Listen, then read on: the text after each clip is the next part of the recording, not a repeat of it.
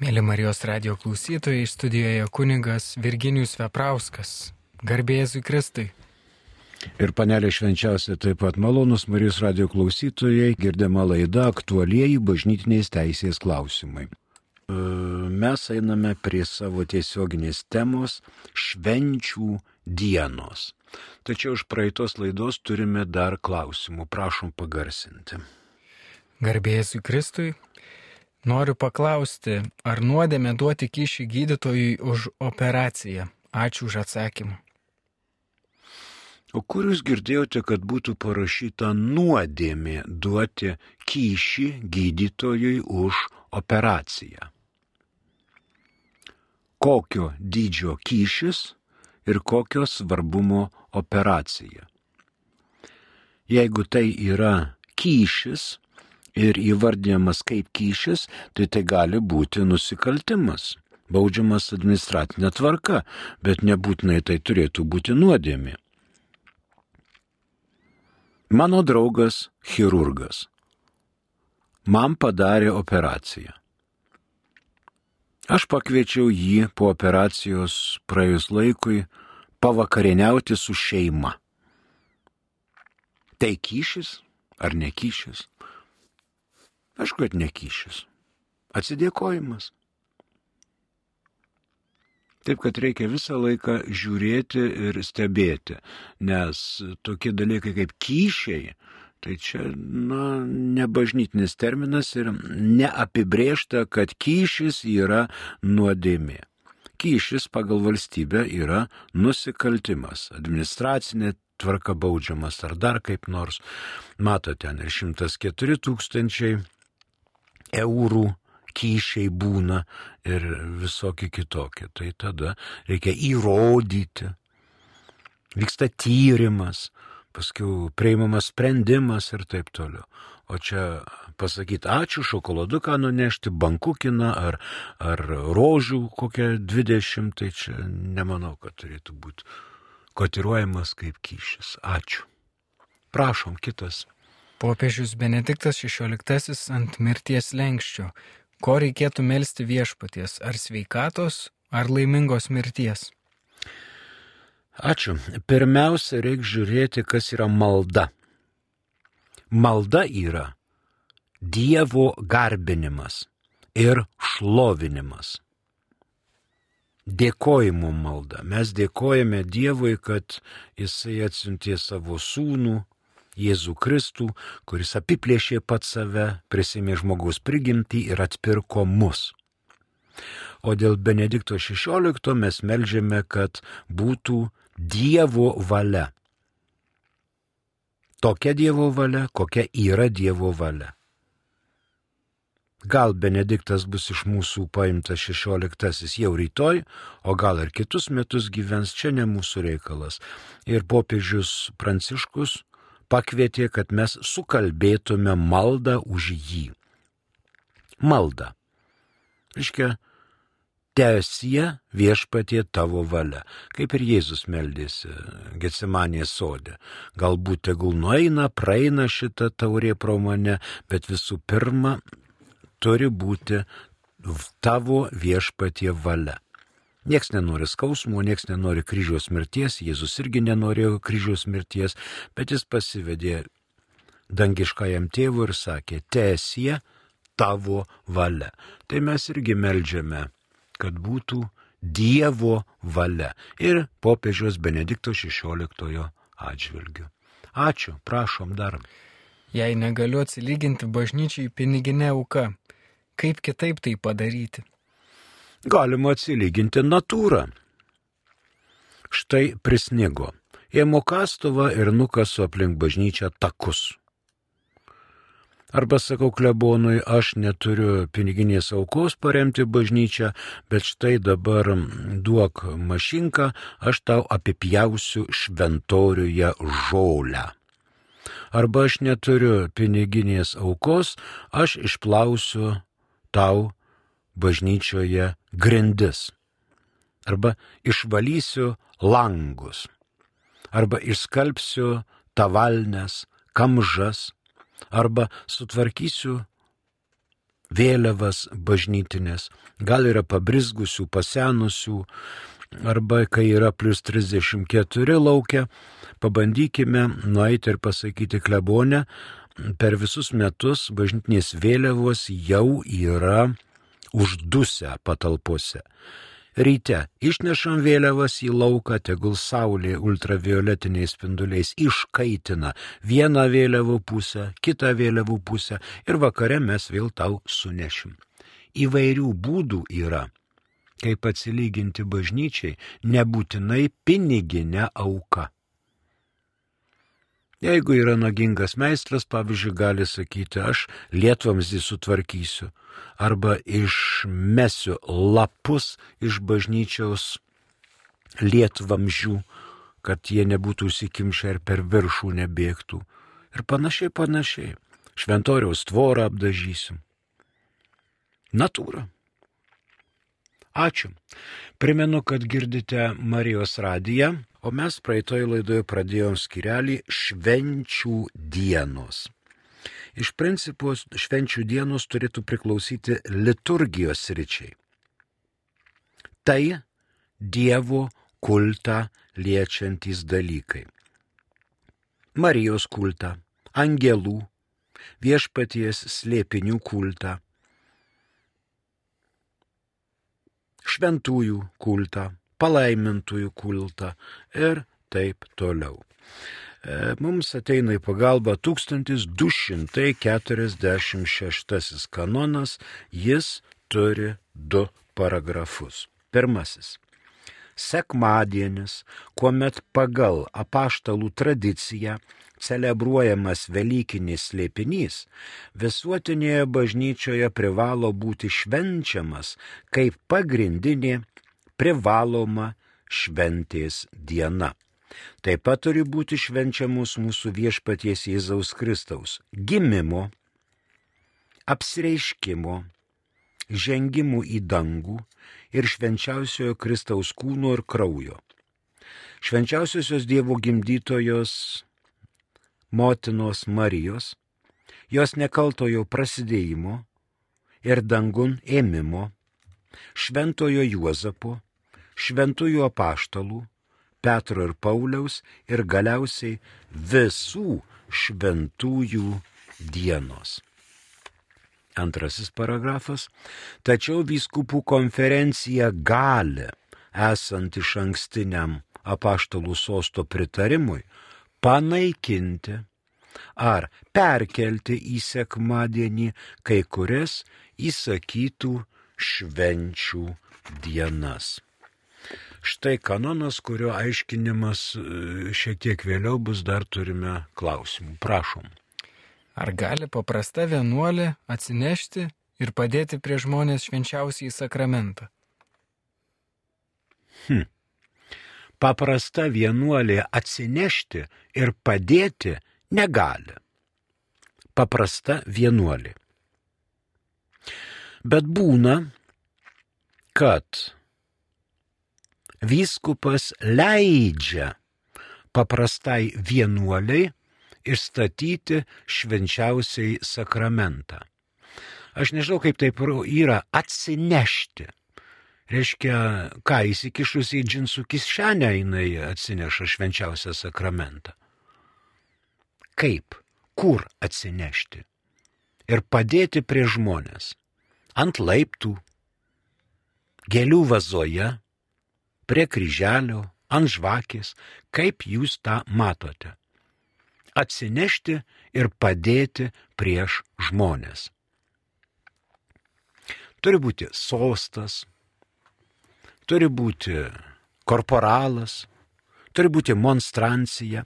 Paprastai vienuolėms, kur ten jos yra kontemplatyviosios, tai yra pagaminti specialūs tabernakuliai, kur tabernakulyje yra viešpaties pavydalai, konsekruota duona ir vienuolė gali. Viena ar kita arba vyresnioji, kuriems sutiktas leidimas, atidaryti stiklinį langelį, pro kurį matosi pro stiklą, krištolinį ar paprastą stiklą, matosi švenčiausio sakramento pavydalai. Ir vykdoma adoracija. Tokia adoracija vykdyti pagal seną tradiciją turėtų būti ne mažiau dešimt žmonių. Bet galima adoraciją vykdyti ir nebūtinai atidarius tabernakulio ir, kaip jūs sakot, atsinešus ir padėti prieš žmonės. Atsinešiu ir padedu. Net nepaprasta vienuolė, bet e, paprastai, na, tikybos mokytoja arba dar kam yra suteikta galimybė, gale ir teisė, kad dalina šventųjų mišių metu šalia kunigo Euharistiją. Dalina. Tai nėra nieko baisaus, jeigu ir išstato, bet pravesti apeigas jau ne ir laiminti jau nei paprasta vienuolė, nei pasaulietis negali. Tai yra rezervuota diakonui, kunigui arba vyskupui. Ačiū. Dar prašau. Valė klausė, garbėzui Kristui. Per amžius amen. Papasakojimai apie kitą žmogų. Ne iš blogos valios, bekalbant taip išeina. Turbūt tai nuodėmi. Dabar, o kur šitas klausimas? Prašom klausimą pakartoti dar kartą. E, papasakojimai apie kitą žmogų, ne iš blogos valios, bekalbant taip išeina. Turbūt tai nuodėmė.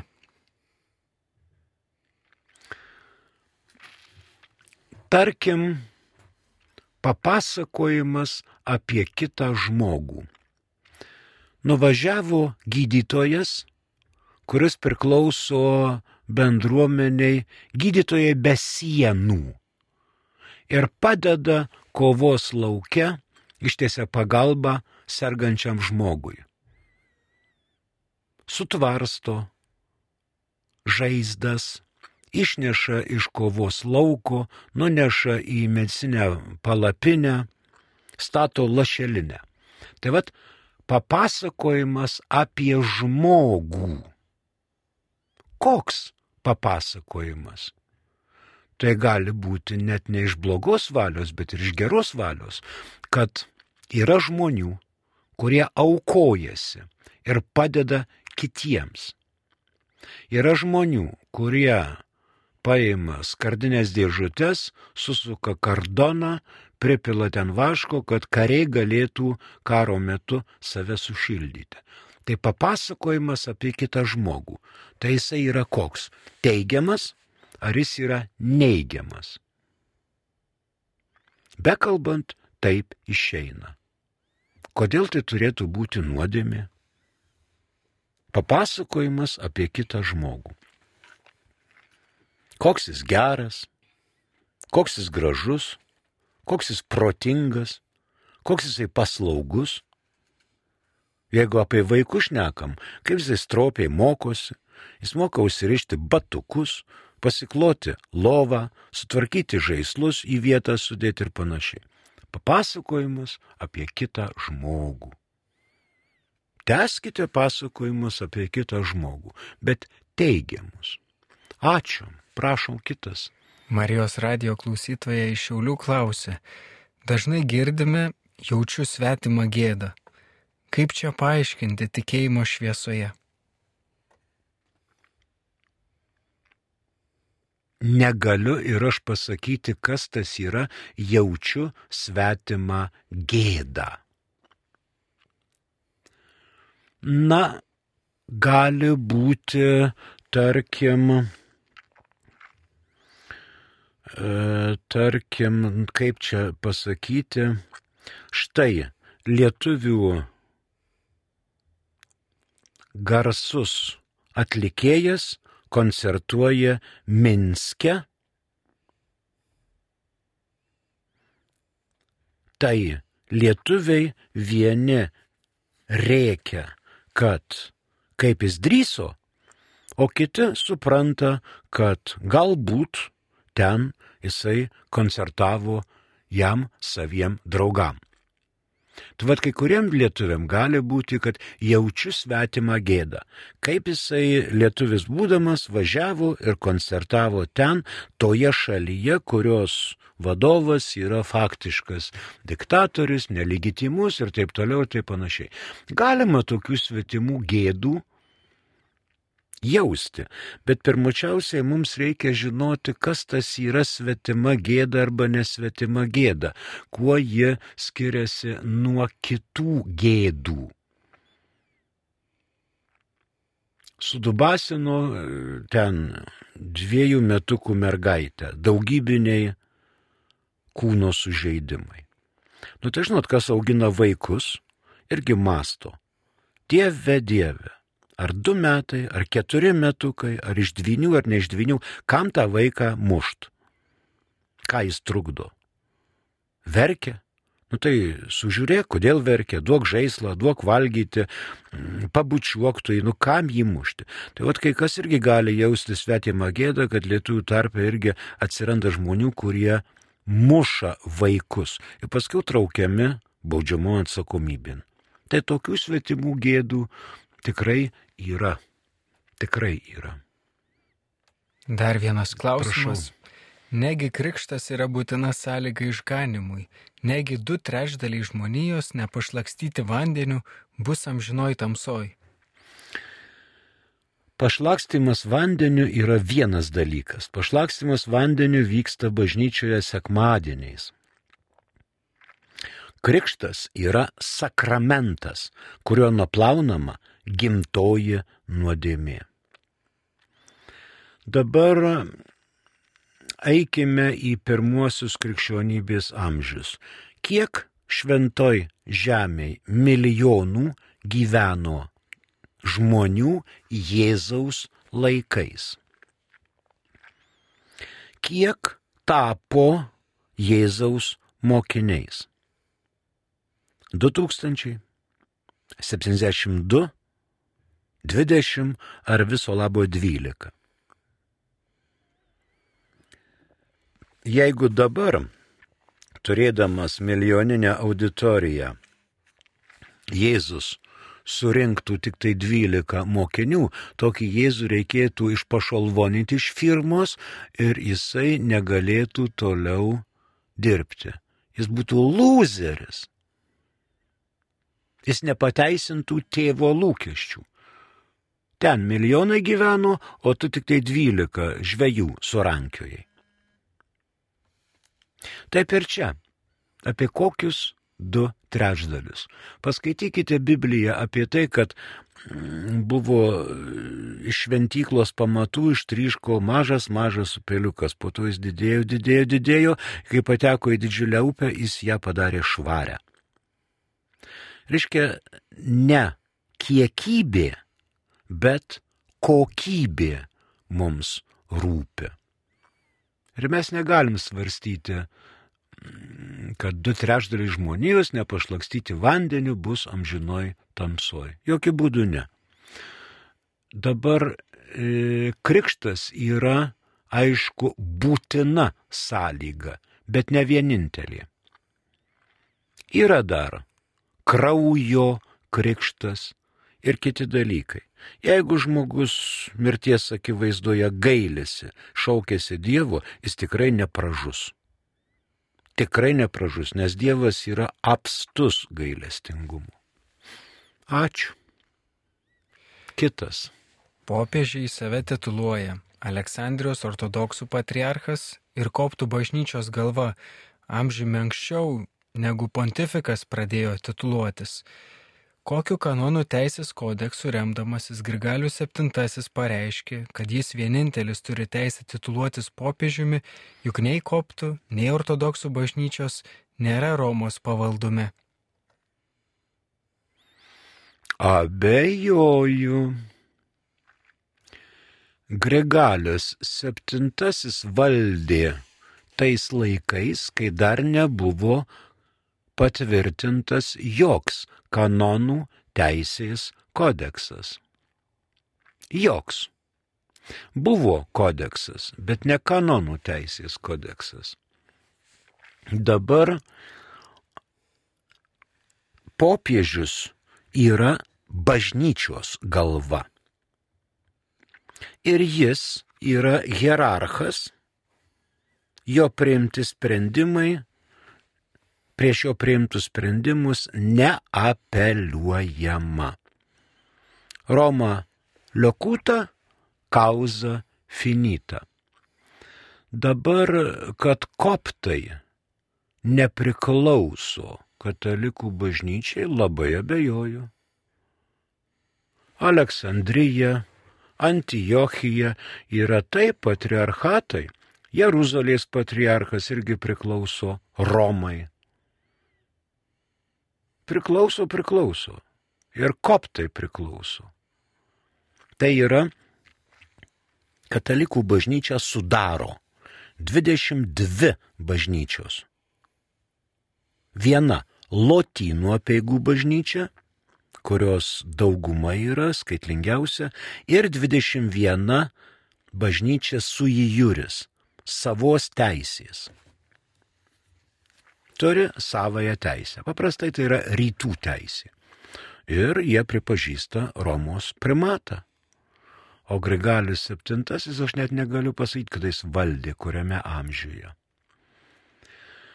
E, dabar taip popiežius, kadangi gavo iš švento Petro sukcesijos būdu šitą primatą, tai jisai ir yra Romos popiežius, Kristaus vietininkas. Jis yra ir rytų, ir vakarų bažnyčių galva. Ir rytų, ir vakarų bažnyčių galva yra popiežius. Ačiū už klausimą. Prašom. Dar vienas klausimas liečiantis popiežių. Taip. Gana ilgas. Prašau. Popiežius juk yra absoliutus bažnyčios monarchas tipiškas apšvie, apšviestojo absoliutizmo atstovas. Jis aukščiau bažnyčios susirinkimo. Tai kam tiek lėšų, laiko bergščiai išnaudoti suvažiavimams, jeigu paprasti, klystantis viskupai nei iš tolo neprilygs Kristaus vietininko neklaidingumui, o juk piemeniui nereikia avių pritarimų. Tuo labiau, kad apaštalų sostui viešpats iki laikų pabaigos suteikė absoliučią, teisingą ir neklystančią valdžią. Ačiū už šitą klausimą. Tai yra komplikuotas dalykas. Tipiškas apšviestojo absolutizmo atstovas. Popiežius yra neklaidingas dviejose pozicijose - tikėjimo ir doros klausimais. Tada, kada jisai skelbia tai eks katedra, iškilmingai aš popiežius toks ir toks kelbiu kablelis, kad. Va tada jisai neklaidingas. 20 amžiui buvo vienas toksai dogmos paskelbimas apie Marijos nekaltą prasidėjimą. Visi kiti aplinkraščiai, raštai, posinodiniai paraginimai neturi neklaidingumo dovanos.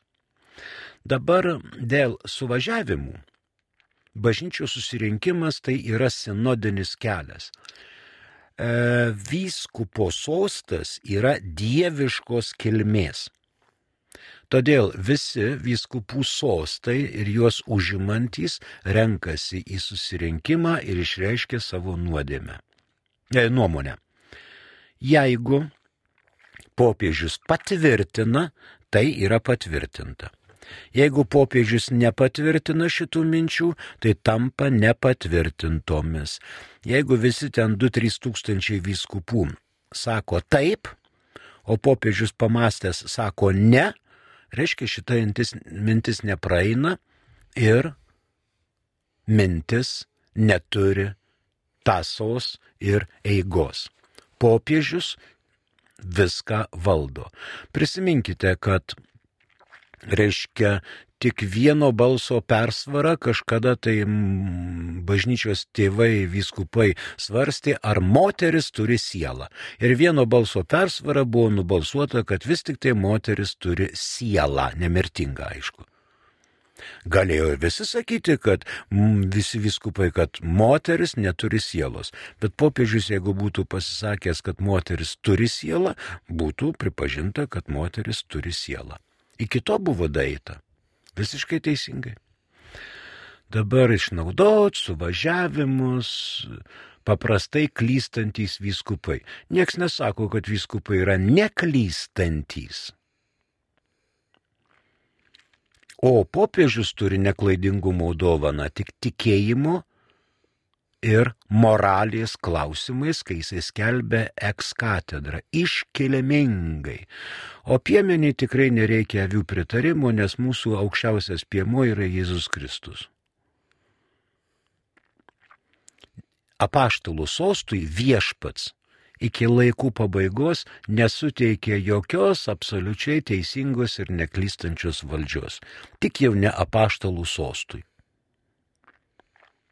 Apaštalų sostas yra baldas kažkoks tai. Bet populiariai vadinamas, reiškia, popiežiaus institucijos. Neklaidingumo dovana yra asmeniui, popiežiui, kai jisai skelbia tikėjimo ir doros klausimus kaip bažnyčios galva. Visa kita dabar jo kreipimaisi, pamokslai, raštai, paraginimai neturi neklaidingumo dovanos. Net ir enciklikos. Ačiū. Sekantis. Tai yra kitas. Kaip Ar... išvelgti Jėvos ir Adomo šventumą, jei jų nuodėmė įstumė žmoniją į tokį žemišką vargą? Kodėl jie vadinami šventaisiais? O kas juos vadina? Kas Jėvą ir Adomą vadina šventaisiais?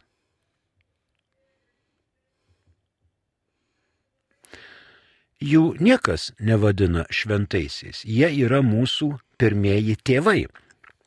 Tik tai klausimas čia ateina, ar jie Adomas ir Jėva reiškia žmogus ir gimdytoja yra tikriniai ar bendriniai daiktavardžiai.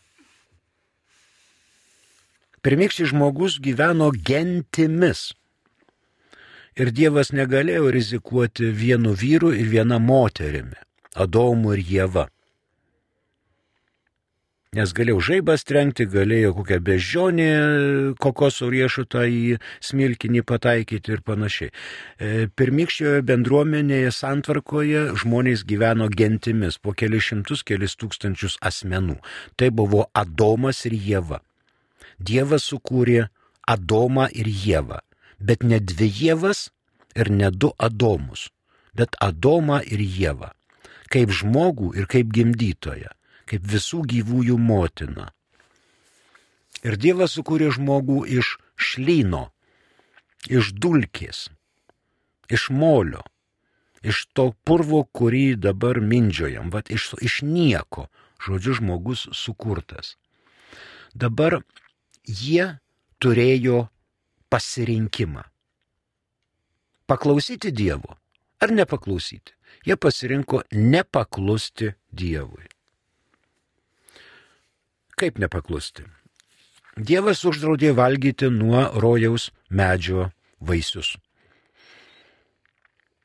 Rojaus me, sode vidurie sodų augo gero ir pikto pažinimo medis. Ne obolys, ne slyva, ne bananas, ne abrikosas, bet gero ir pikto pažinimo medis. Dailininkai pradėjo žiūrėti, kad Europoje labai daug obelų, na ir pradėjo pieškati. Tai medis ir medis vadinasi obelis, o vaisiai yra obuoliai. Dabar, aišku, jau minėjau jums šitą, turbūt pamiršote, kad savo Adomas įvykdė savo vyriškus darbus, nusisuko į sieną ir užknarkė, o Jėva gavusi jėgų antplūdį pradėjo po sodą vaikščioti ir žiūrinėti, koks gražus, kiek daug, ir atsirado tenais gundytojas tame medyje įsirangęs žalčio pavydalu. Ar tai žaltys, ar kobra, ar gyvatė, ar gluodenas, ar dar kas nors tokio mums visai neįdomu. Bet reiškia, jisai užkalbino Jėvą. Ar tikrai jums Dievas draudė valgyti uždrausto medžio vaisius? Jėva sako, žinoma, ne tik valgyti uždraudė, bet uždraudė ir liesti. Dievas liesti nedraudė. Dievas valgyti draudė, naudoti.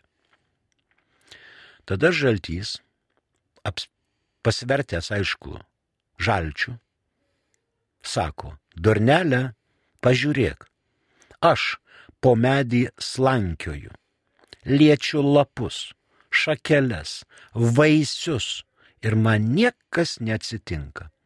Matai? Matau. Pabandyk tu paragauti.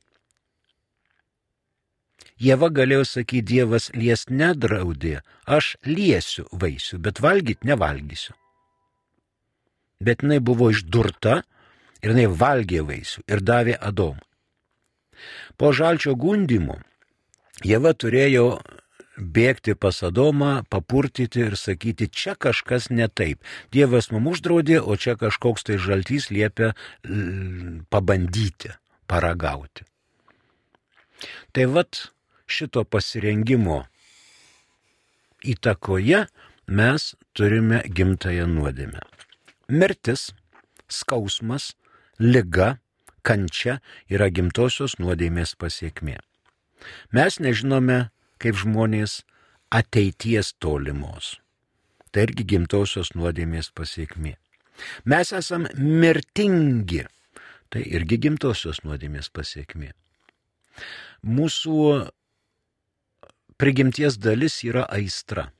Bet kokia aistra yra žmogaus, žmogui prievarta. Žmogus sukurtas džiaugsmui ir laimiai. Sode žmogus buvo sukurtas džiaugsmui ir laimiai. Sode buvo šešėlis, atgaiva, vėsa, nes Biblija buvo rašyta ne pas mus Lietuvoje, bet ten, kur šešėlyje plus 43 laipsniai karščio, aplinkui svilina ausį karštis. O čia žmogus sukurtas džiaugsmui ir laimiai sode. Vaikščiok ir kaifuok. Šešėlis, vėjelis, gaivumas ir taip toliau. Todėl, kad čia į tokį žemišką vargą. Sakyčiau, net neįstumė žemišką vargą, vargą, bet čia yra malonės laikotarpis, kada mes galime savo jėgomis prašyti, bandyti, kad Dievas priimtų mus į amžinybę, į šviesę amžinybę. Padėti vienas kitam šitame, šitoje kovoje. Ačiū už klausimą. Turime, turime padėkos žinutę nuo Alvydo. Dėkoju Jums, kunigė. Ne, ne, ne, šitas jau pereina į kitą, taip, kitas, prašom, dėkojom. Mm? Taip, ir tas pats klausytojas toliau taip. Jūs provokuoja. Taip. Jei Biblija yra geroji naujiena, o krikščionybė meilės religija, Tai kodėl kryžiaus žygio metu, užėmus Jeruzalę, krikščionis šventosios dvasios vedami išskerdė visus žydus ir musulmonus, o Selehadinui atkariavus šventąjį miestą, visi krikščionys liko gyvi. Tai gal islamas tuo metu buvo meilės ir gailėščio religija? Gal, tikrai gal. Ir čia parašyta Selahadinui. Mano žiniomis kukliomis tai buvo Saladinas. Labai garbingas musulmonų vadas, jis ten šeikas ar, ar karalius ar kažkas. Nuo jo laikų, nuo turbūt kokio gal septinto amžiaus, gal kiek vėliau, jis pasakė, dovanoju krikščionims gyvybę, dinkit iš Jeruzalės, bet jūs turite teisę melstis. Ir iki pat šios dienos krikščionių religijoje Jeruzalės bažnyčia bazilika atrakina musulmonas ir užrakina musulmonas. Nuo Saladino laikų Saladinas pasakė, krikščionys irgi turi teisę melstis, kaip mes musulmonai. Ir va, musulmonas ateina, jo kišenė raktai, jis, tai yra raktai pas krikščionis, pas katalikus. bet katalikai iškiša prie durelės jam raktus ir jis tas duris atrakina ir tada sugurma visi melstis. Ryte. Vakare visi išeina, musulmonas duris užrakina ir gražina raktelį saugoti per naktį krikščionėms. Iki pačių dienų Jeruzalės bažnyčia atrakina ir užrakina musulmonai nuo Saladino laikų. Fantastika. Sugyvenimas nuostabus. Pramiegot musulmonas neturi teisės. Jo šeima yra įsipareigojusi, kad jis visų vardu nuo Saladino laikų atrakina ir užrakina bažnyčią. Krikščionys meldžiasi, meldžiasi, meldžiasi ir vėl užrakina. Užrakina. Kitas klausimas, prašom. Jeigu ir bažnyčia, ir konklava veda šventoji dvasia, tai kodėl jie viduramžiais liepia fiziškai naikinti kitaminčius, kitatikius, kas visai nekrikščioniška, ir rinkti popiežiai, popiežiais vis, visiškus bedievius, lėbautojus, žudikus, ištvirkelius? Ir O kada buvo kitaip? Dabar jei konklevą veda šventoji dvasia. Popiežių renka šventoji dvasia. Bet ne šventoji dvasia liepė viduramžiais fiziškai naikinti kitaminčius klaidatikius. Pavyzdžiui, Baltazaras Kossa, Jonas 23 piratas. Dėl to 20 amžiaus viduryje kardinolas Ronkalis išrinktas popiežiumi pasėmė Jono 23 vardą įkalį ir pareiškė, kad Anas buvo antipopiežius. Taip, popiežiai buvo ten medičių, pavyzdžiui, šeima davė ar ne keturis popiežius, o tai giminė buvo italai. Taip, šventoji dvasia leido būti popiežiais ir bedievius, ir lėbautojus, ir žudikus, ir ištvirkelius, ir ką. Dievas neturi atsarginės bažnyčios. Bažnyčia nuo Seno testamento laikų vadinama sena prostitutė, sena ištvirkėlė. Bet Dievas antros bažnyčios neturi. Neturi. Jis būtent turi šitą bažnyčią, kurią įsteigė ir kuri yra sužadėtinė. Ta sužadėtinė kartais nuvaro, reiškia, pas, taip sakant, rajono didžiausią banditą ir permiega, bet vis tiek jinai yra Kristaus sužadėtinė. Va šita bažnyčia, kuriai mes priklausome. Dar klausimas yra, bet mūsų laikas išseko. Prie mikrofono dirbo kunigas Virginijus Veprauskas. Ačiū ir sudė dėkoju iš klausimus. Laimingų naujųjų metų.